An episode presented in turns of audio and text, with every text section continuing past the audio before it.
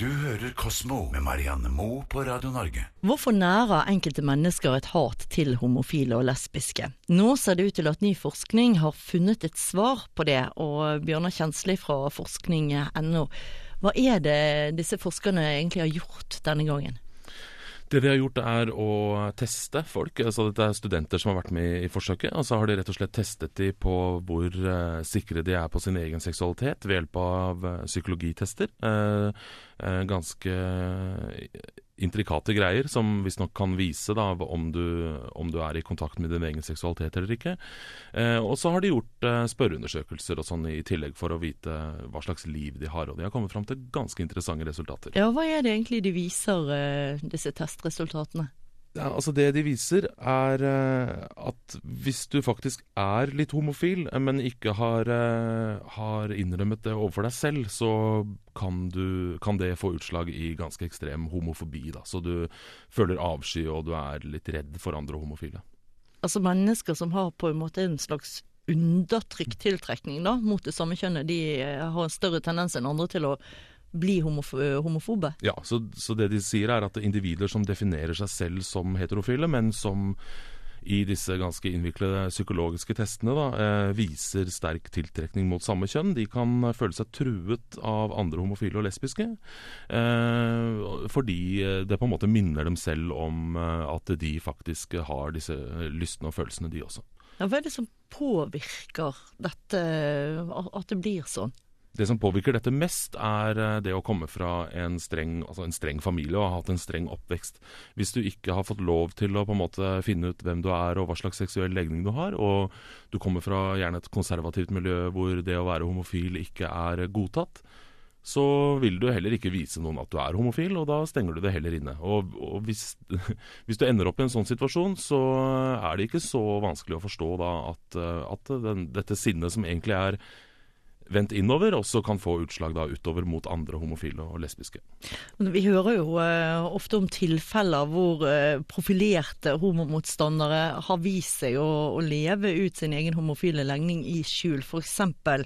den amerikanske evangelisten Ted Haggard.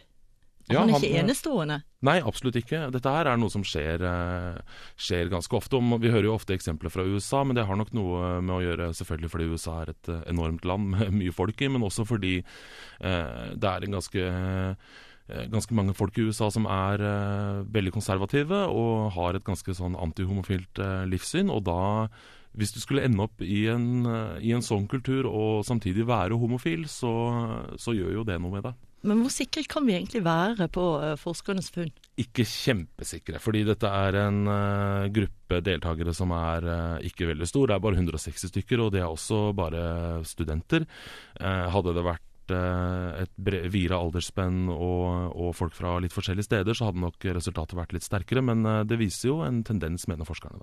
Du hører Kosmo med Marianne Moe på Radio Norge. Det blir stadig mer poll i Europa, og det er faktisk i byene at økningen er verst, skal vi tro, en ny studie. Hanne Jacobsen fra forskning.no. Forskerne de har gått gjennom pollsituasjonen i hele 13 land.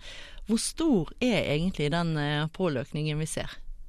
Den er jo faktisk ganske merkbar. I byene hvor dette er størst, så har den økt med 3% hvert år i den, de årene denne måleserien har foregått. Eh, på landet så er det litt eh, mer moderat, der er det ca. 1% hvert år. Eh, men eh, som de sier, absolutt merkbart. Men hva er årsaken til dette? Det er eh, litt forskjellige årsaker. I, I, byene så blir det jo varmere og tørrere, og det Eh, og mer forurensa. Det bidrar til mer eh, pollen. Mens i Norge så er det helt spesifikt at det er eh, mindre kulturlandskap, rett og slett. Altså det blir færre sauer og kuer ute på landsbygda som holder lauvskogen nede. Og det er bjørka som er det store problemet i Norge. Det er den som virkelig er liksom polleneksplosjonen. Eh, og når eh, dyra som før beita og holdt unna lauvskogen er borte, så blir det mer trær, dermed blir det mer pollen. Ja, Og så driver vi vel heller ikke skogen på samme måte i dag som eh, det vi gjorde før? Nei, det gror rett og slett litt igjen altså i uh, Norges kriker og kroker. Er det geografiske forskjeller på dette i forhold til eh, økningen av, av bjørkepål her til lands? Er det noen steder hvor man er mer plaget enn andre? Ja, det er på Østlandet, dessverre. Der hvor eh, jo eh, ganske mange av nordmenn bor. eh, At dette her har vært eh, mest plagsomt. Og det er også fordi at det tidligere var et stort landbruksområde. Hvordan kan man forutsi pollenmengden? Er det i det hele tatt mulig å forutsi det fra år til år?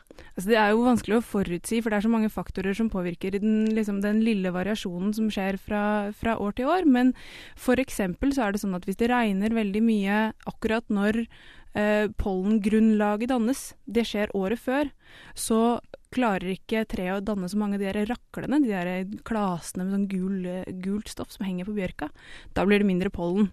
Eller så er det sånn at hvis man har en, en regntung eh, vår, så vil pollenet bindes til regnet og på en måte falle til bakken. Da blir det mindre pollen å plages med. Så Det er derfor de har sånne lange måleserier. For det år-til-år-variasjonen kan være såpass stor at det er vanskelig å si noe om trenden. da. Men ut ifra det du sier, så virker det som at allergikere har det litt enklere i Bergen enn her i Oslo, f.eks. Det er nok sånn, altså. Og eh, de er vel kanskje de eneste også som er kjempefornøyde når det regner om våren.